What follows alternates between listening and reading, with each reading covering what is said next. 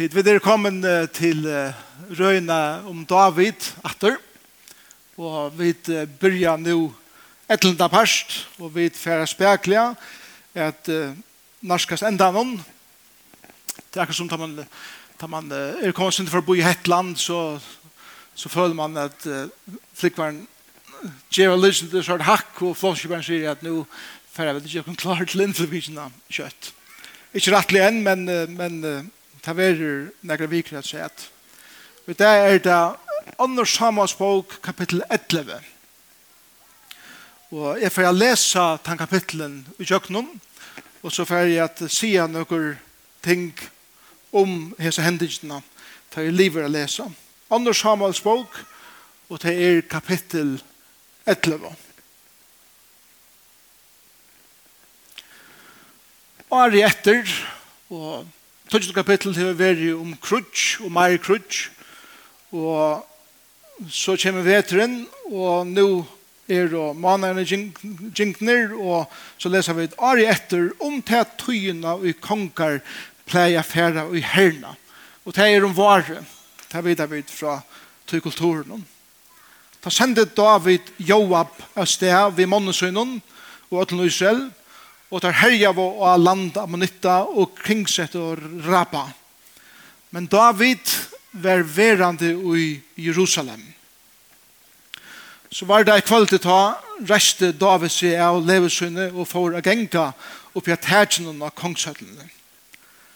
Han kom ta at suttja kvinno og i beis her og kvinnan var ekvelia vøker. David kjente noe bo og frekna i om kvinna.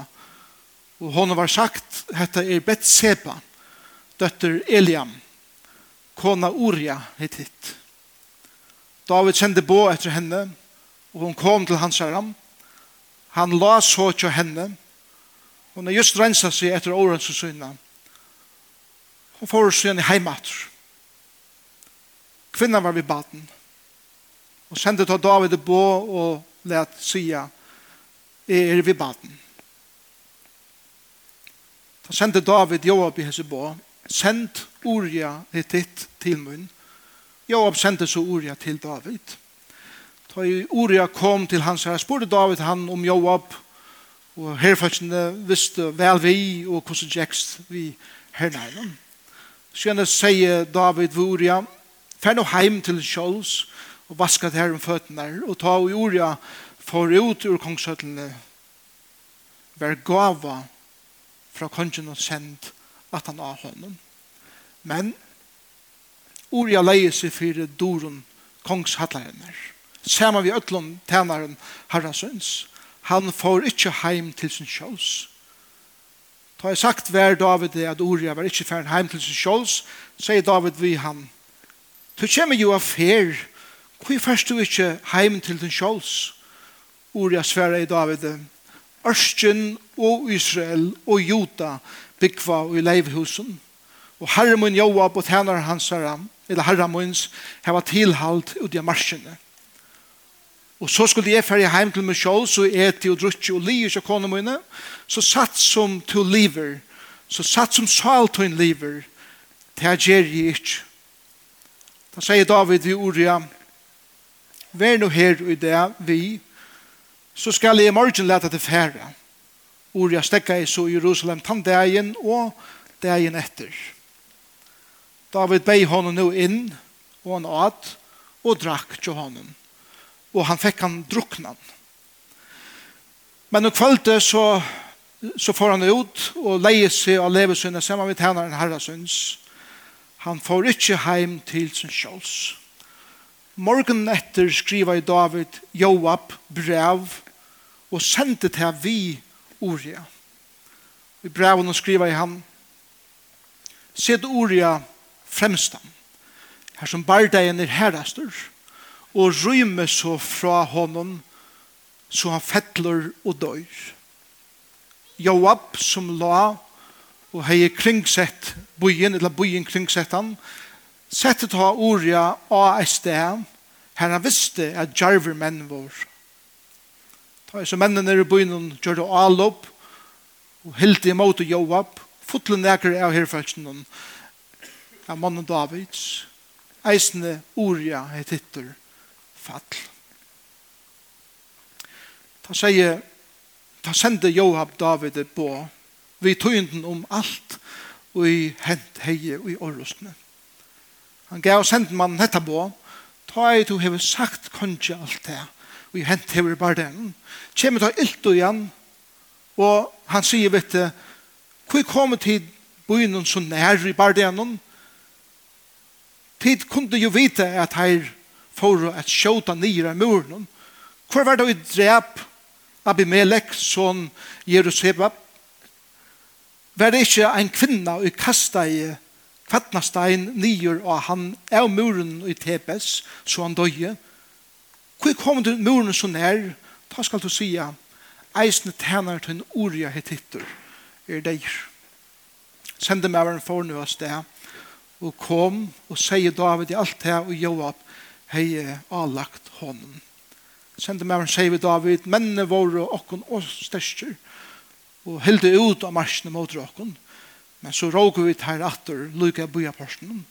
Ta skot og boa med når mur nier og at tænare tøyner. Og nægre at tænare kongsens fotlo. Eisene tænare tøyn orja hetittur fall. Da sier David vi sender mannen Du skal se vi Joab Teg ter ikkje hetta som er. Svøre vi einon at bæna nu og øren ta Alt vi er gjerra og oppa på og ta diggelig og brot han nyer, så la skal du seta mot ui han. Ta i kona orja fratte, at orja mever hennare ver deir, syr til hon ekta fellega syn. Men ta i sorgardiene våre enda, sendte David bo og tog henne heim til syn Hun var kona hans herre og åtti hans son. Men hetta og i David hei gjørst var ønt og i eion herrens. Måtte herren sykna sitt år.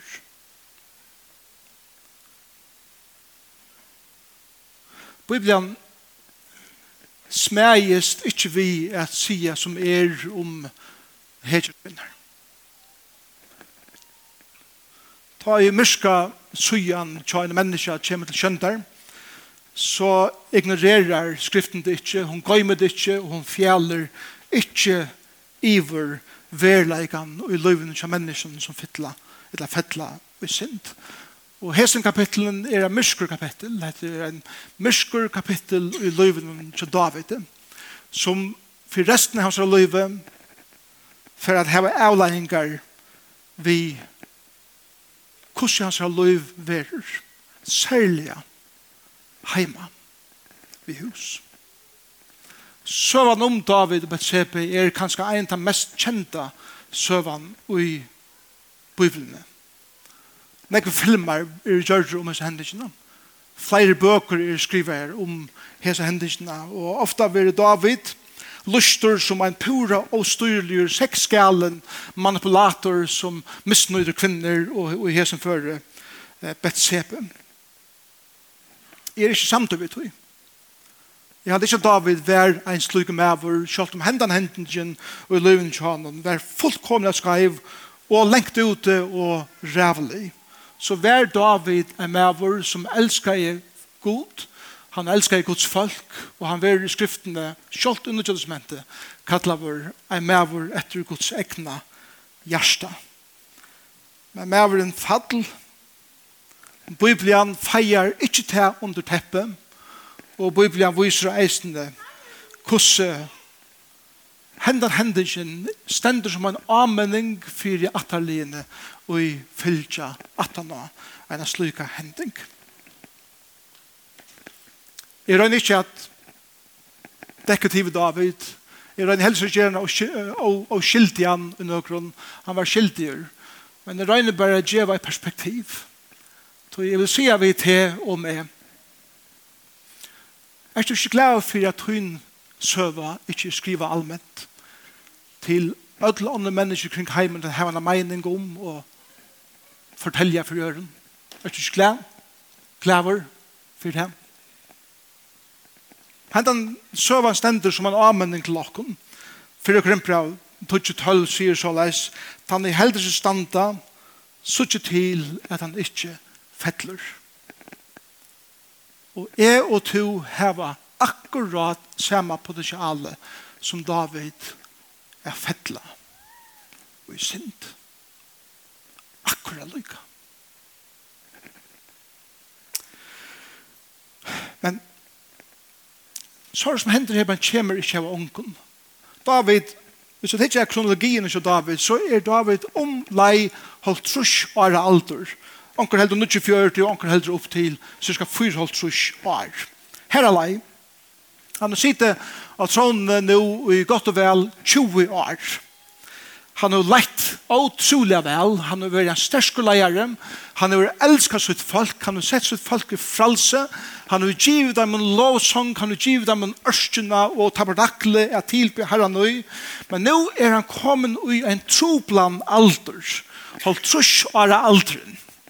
Min alder. Her er han. Um, han, han vet at han ikke langer er av hattene. Han vet at Det er byrja a genga a sindur nira bakka. Realteteren er han at han ikkje veri sterskar som Arne genga, men han veri veikare og veikare. Og det er ringt a sutja i egene, og man ber ötta fyre hva det framtiden ber, og eisne hva det ligger fyre framman. David kommer sujane ui en periode hver hette hevur slukka avvirskan av han at på ankra måte så fettler han ui het her er bliva lygaseller. Han, han ansar ikke no vel etter seg. Som leie til at han en dagen fettler ui synd og skal leva av, av leien. Men henda frestningen er ikke bæra for folk som er i altrusjonen. Eisen er de som er i trusjonen og fjersjonen kjolt og i forsunnen. Grunnen til vi sier det her er til en, en av mine yndlingsprofessoren av Dallas Seminary som er Dr. Pentecost. Han var tvei fors år gammalt han en dag en tale til dere i chapel og han sier og han tar seg om å flytta fra ungdomslisten og han sier eisen er som tvei fors år gammal strøyest vi å flytta fra ungdomslisten og eisen til som tannargar eisen til som er tjonen og treten og fjørten vi som halda konstanta, så ikke til at vi ikke eisende fatla. Synd kommer ångan i knapplega. Ångan med vår lakona som er åtrygg mot sin mann, vakna knapplega i sannsyn av morgen og sier, hva er du her, hva er du her, om han er fremmede kvinne eller fremmede mann. Ångan. Det er alltid en prosess som leier opp til til at vera og komme støvna som David var og i. For det første, jeg skal, djeva, jeg skal røyne pyka tjei, altså. Klokka er ikke lang. Jeg skal røyne kjøttet av som jeg kan. Um, for det første, tar vi lesa, og vi tar ikke slå det opp, 5. Mosebok, kapitel 16, vers 14 til 16, tåsar om hva kongar, kommande kongar i Israel ikke måtte gjøre. De måtte ikke gjøre tre ting. De måtte ikke få seg hestar ur Egyptalandet kvui, det var ikke akkurat, men anker heldig tog at det var jo fengar i Egyptalandet, og nå er det sett fryer fra Egyptalandet, og ikke leite atter her til, til nummer 1. Nummer 2 var at en konger må ikke hava flere koner, en konger skal hava eina kone. Og det tredje var at en konger må ikke gramsa under seg vi vi vi silver og gudle og rujudømme. Han skal ikke samla sjolver under seg. David var trygg for i nummer 1 og i nummer 3, men han var ikke trygg for i nummer 2. Så det stender i, i ære samhansbok kapittel 5, vers 12 og 13, er at nå heier David fri i landen, han var etableret over, men så stender i vers 13, men han fikk seg imenskar koner innen sitt liv. David var åtrygg for, eller åløyen, mer reglene av åren gods for det første. Det sa lydig ut, hun ikke om det, og han var jo konger, han er etla makt, og han ikke sier noe til det. Men åren gods har sagt, ja, som konger skal du best heva eina kone, selv om kulturen løvde øren. Og tid, selv om det er kulturelt akseptera i minst i akkurat landet, eller hver landet det så er, det som åren gods sier, trumfar det. Det er første. For det andre, så var atmosfæren så David ikke reelle gå hjemme. I kapitel 6 i er Samuels bok da David kom inn i Jerusalem vi satt med løsene, han danset i hold nætjen for gode så stendur at konan særa hukte i utsjøkken dittnar, nei, utsjøkken vinter, ja at han fyrir gardiner, og hon vannverde mannen kjøser. Og da han kommer heim, og det er glæver, så sier vi han, det er ikke eit av som konger hev dansa, nætjen i det her fjøtens kvinnen.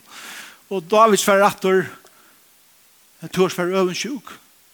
Pabedøyen han etter ikke han lorst. Jeg har finnes nek større makt enn han. Så ikke det taunaleie mittel mann og kone her peint.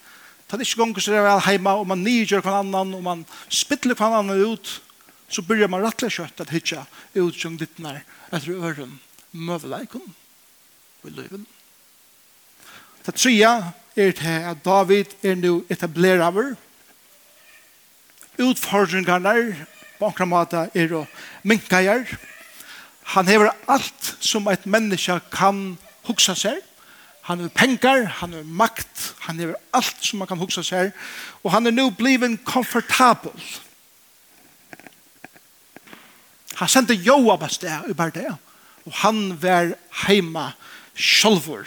Han var leieren, men han sendte hjelp av leieren. Han skulle steg fremst, men han leie seg i sønnsjene.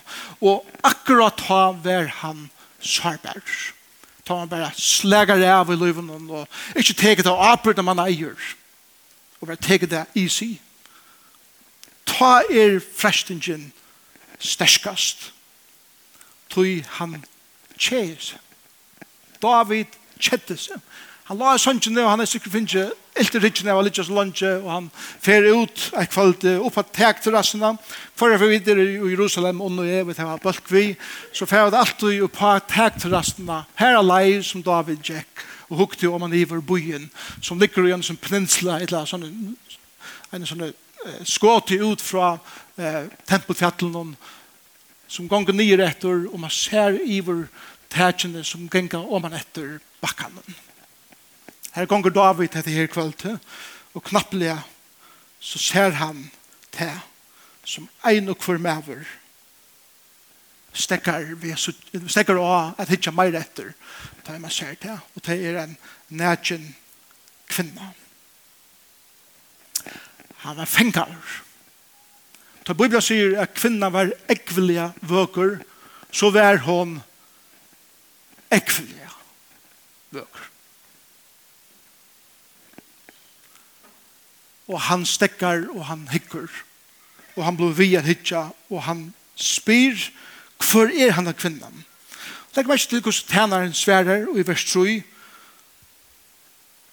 Kan man se hvordan personer er i, i, i en jødsk kultur, så ser man at hun er døtter hans herre, et eller annet først, eisen i abba døtter hans herre. Omkant du hvers kone hun er. Men hesten tænaren, han vet. David, hon er døtter hendan personen, men hon er kona uria hittit. Vi ørner hon, David, hon er gift. Levera. Og David høyrer han ikke, tog han er fengavr. Han er blevet slapper, og han er fengavr i sin sinne, og han er bestemmer seg hva han vil gjøre. Luther sier så leis. Du kan ikke få en fukle jeg skvøtt i høttet av der, men du kan få noen bytja et reier i høttet av der. Ofta kan du skjer vi at du sørst noen ting, men du veler om du heldur av at dvølja vi at hitje at frestingsene som stender fri framman. Og da har vi sendt bo etter henne. Teksten sier ikke om neitøk. Vers 4 er altså vers som, som sier bare hva det hendte. Eh, David sa henne. David sendte på etter henne. Hun kom. Det var sångsamman. Hun får hjem. Et lyde syge spring. Og alt så ut til å være. Fyna så slem. En av hebraisk læreren som er av Dallas Seminary, da jeg gikk her, var en kvinna som heter Dr. Coor Cox. Hun var kvinna, og hun var specialist i hebraisk og han var eisende jøtisk. Hon sier såleis om hese støvene. Det som David gjør det her kan alls ikke omkyldast av nærkran hatt. Teksten viser greit hvordan rævalt dette er. Teksten sier ikke om Betseba, men jeg halte at henne unge kvinnan og ekvile vegra kvinnan kan heller ikke slippe seg helt undan skuld. Betseba var oansen og ovois og i avgjørende at bia seg nægjen oppi av sin egne tekterrasse til at ønsken vois eller vidu hebraisk kvinna heie gjørst slukt tog hon bæ ute hei hun gømt seg atta gardiner så leis at hun ikke var skjønnelig fyrir ånder at suttja særlig om hun visste at hus våre som lå hakre og grannar kundu hitja iver hendara hus. Kongsborgen til David la ovast av bakkanon, og kongren sa om han iver alt grannarleie, og tøyen om at David var heima visste øtl. Angen iver om at David åtti avbyrdna fyrir sinne rævlige avgjer. Han hukte, han starte, han sendte bo etter henne, han får sang vi henne, han rønte dekket til sannleikan, og han drep uria. Men kvinnan kunde haft kjørt sutt til at hetta aldri hente hei hon hetta kvölde vere vois. Nå, hadde ikke bare galt for menn og kvinner, hadde bæge tingene galdande for bæge. Det er ikke bare menn som er åtrykk, det er ikke kvinner som er åtrykk, det er ikke bare menn som flystra, men det er ikke kvinner som flystra, det gonger bo av veier. Det Og tog er dette til okkon ødel. Men ein høvendur sier så at myndelagen i fresting ligger ikke ut til at frestingen appellerer til okkara ravo eller innas passion. Men myndelagen i fresting ligger ui at hun frestar eller appellerer til okkara idealisme. Det som er det yngst vær i løyven, men som ikke er.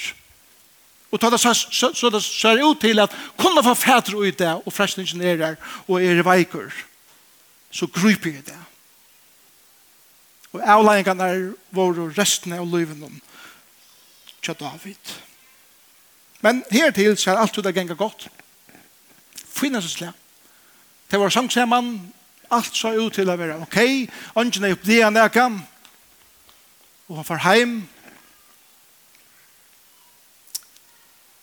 inntil nægger det er settende. Så fer David bo fra Betsebo, at hon er vi. Hon er vi bad. Hva nu? Og her skulle David vente vi. Men det gjør han ikke. Han begynner en missetna panikkløsn som kostar flere følge livet. David kjente Uria.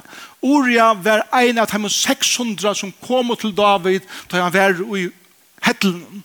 Og han er oppvant han. Han er sammen med familiene. Han kjenner deg. Og David, han fer Uria heim, og røyner av få han, fer, hvordan gonger, fer, fer heim, fer heim til kona kjøtt der, og, og, og njøt han, og, og gjør akkurat som du vil, til å fer i akkurat det. Ta i anker så bløyer vi til, knapplige, så må vi være mistanksammer. Til å ta er det et eller annet som skal dekkast. Og til å etne seg ikke David, vi har lyst teksten, jeg skal ikke fære nøyde til klokken er langt fære av eit. Ta neste som, som hender er at ta er det ikke etne seg få ordet for å heim til den halka over David. Så gjør David ordet et brev i. Og ordet teker mot brevnen.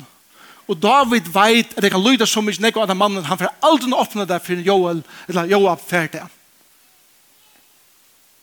Og han får stav i sin ekno desvottan. Og djev Joab bøyene om at Uria skal være sett røst det, for han er for veikur og for ensamhet til livlivet. Og mevren døyr. Og til dag for tøyene, så er det som, ja, ja, ja, som er dødja, og som er dødja ikke, og så er det løyve bæra. Ønsken sørg at det ikke bare orja som døye, men det var flere ærer kruksmenn som døye sammen vi hånden.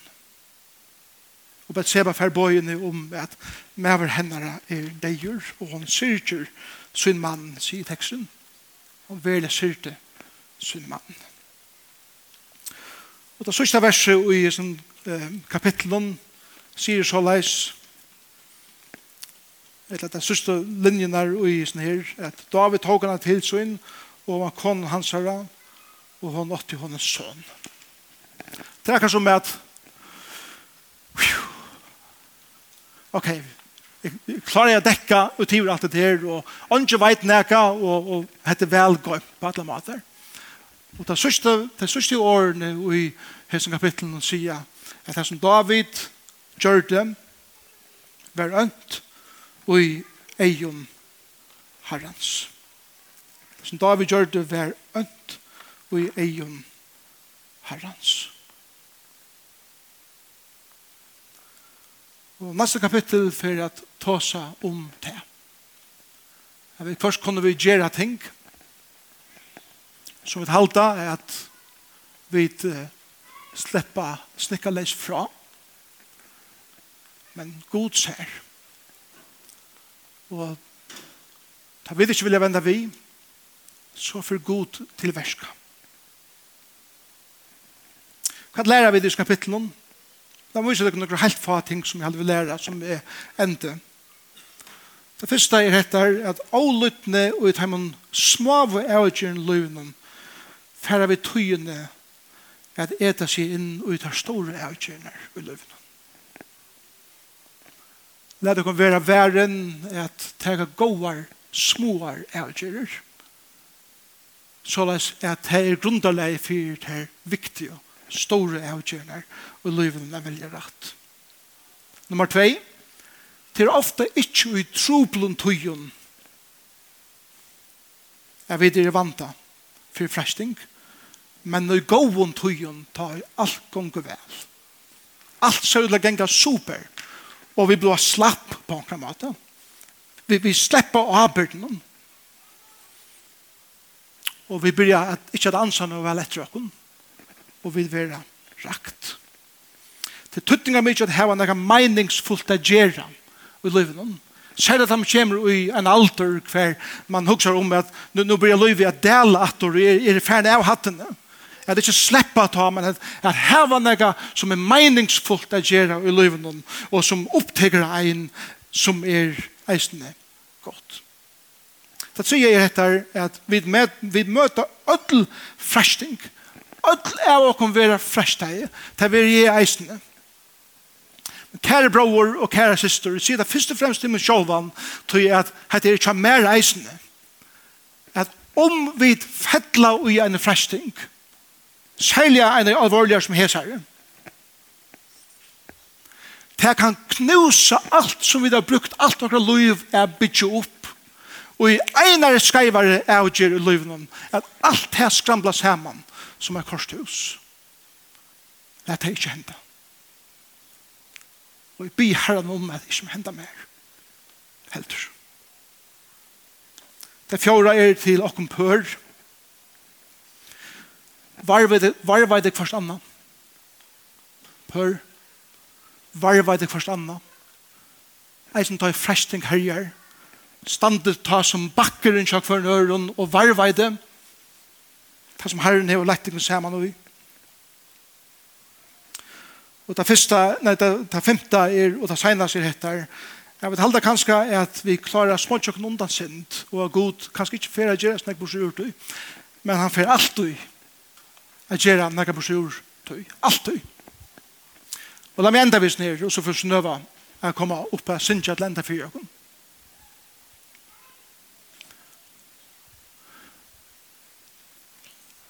Vi er så ofta benge for Guds straff i iver okkara synd. Grunde fyrir at David ikke fikk fri fra gode. Grunde fyrir at det neste kapittel og neste sondag fyrir god etter David. David er ikke for at straffan og blekan er døyke for resten av løyven. Enda målet er at ikke løyven at livet er sånn her vi tror for eie at lytta han opp og djeve honom en møveleika et skjett. Enda mali er alltid at endreisa. Enda mali er at fyrirgjeva. Enda mali er at endur nudja. Enda Og jeg vet at da jeg tås og så som er her i dag, og at jeg får suttjast i sjåar på kring alt landet, så vet jeg at det er nekv pør og nekv nekv imens folk som har rakt just av hesen. Og jeg vil heite av først og fremst med sjålvan og åken ødel er at være som god motvis teimen som har sørst okkom. Tog jeg ta og i åtroskapet fer fram. Fer alt og et eller annet slæ av mor fram. Onkel sier, jeg var, jeg var åtrykver, men jeg dreper ikke nekram. Men sannleggen tann at nek forhold vil vera drypen. Nek var kjensle vera drypnar. Nek svar er jo alt løyve. Og nekk pyna og øye og sorg er i avleggen om ja, er tog. Og til naturlig fyrir okkur når vi er ånåta. Vi er eisne vi er ånåta, men vi er eisne kommer her til hva vi viser menneskjen nøye. Og vi kommer her til hva vi hjelper menneskjen å komme opp av føtter. Som oftast vi er ångande lyka, og, og ting blir ångande lyka atter. Men enda malet til en som fylles for gode er at sia sannleikan og sutja sannleikan, men så vi tog fri eie at fevna om og hjelpa einen å reise seg opp, så at vi kommer kan genka vujere saman vi gode. Vi tar med avleikene som er av, er fettla og er synd. Jeg håper du høyre at her rett som jeg sier. Til at det er så latt bare at uteståndje, utefrista og utskjelta og ikke omfemna.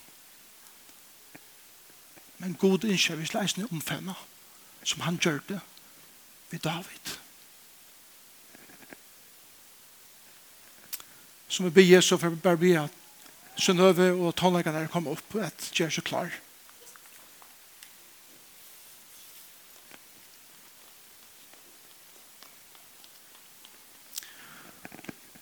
Det er forbønn eh, her etter dem.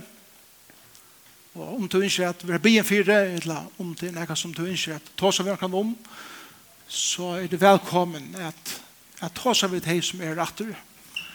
Det er som sier at henne talen er så mye personlig, hun er så mye, hun reker så mye djupt, at om det er inni her som bare er sånn i Jøkken Vikene, ønsker at, at kontakta med vi ved vidjønnes talen, eller et eller annet som, som uh, har lagt av til hjertet, eller ikke at ta seg om, så er det velkomna rinja til møyen, og så gjør vi den avtale at jeg prater sammen eh, om det som du huksar om, eller syrst vi, eller ikke tåsa mer om, det vil jeg ekle ferien, tror jeg at dette er nega som er så utrolig oppe i okkara mentan, i okkara kulturer, og det, og vi ødel kunne være rakt av det, og vi ødel være rakt av det, og en eller annan hatt.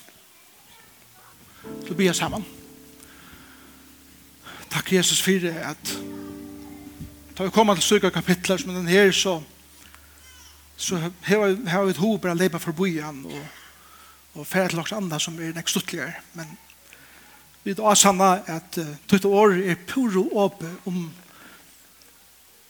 at sjalt hei som elskar til aller djupast og Sjalt David som du kallar, og enes person i Bibelen som vi kallar, er mever etter Guds egna hjärsta at du er åpen om ta i synd kommer inn.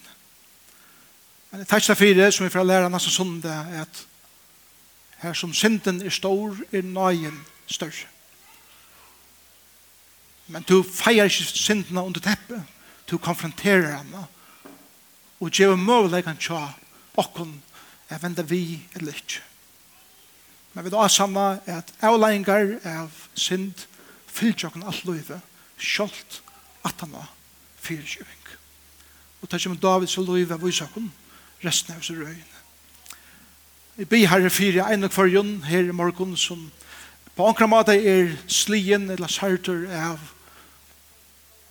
en luknande søve som hes her. Og vi er mange.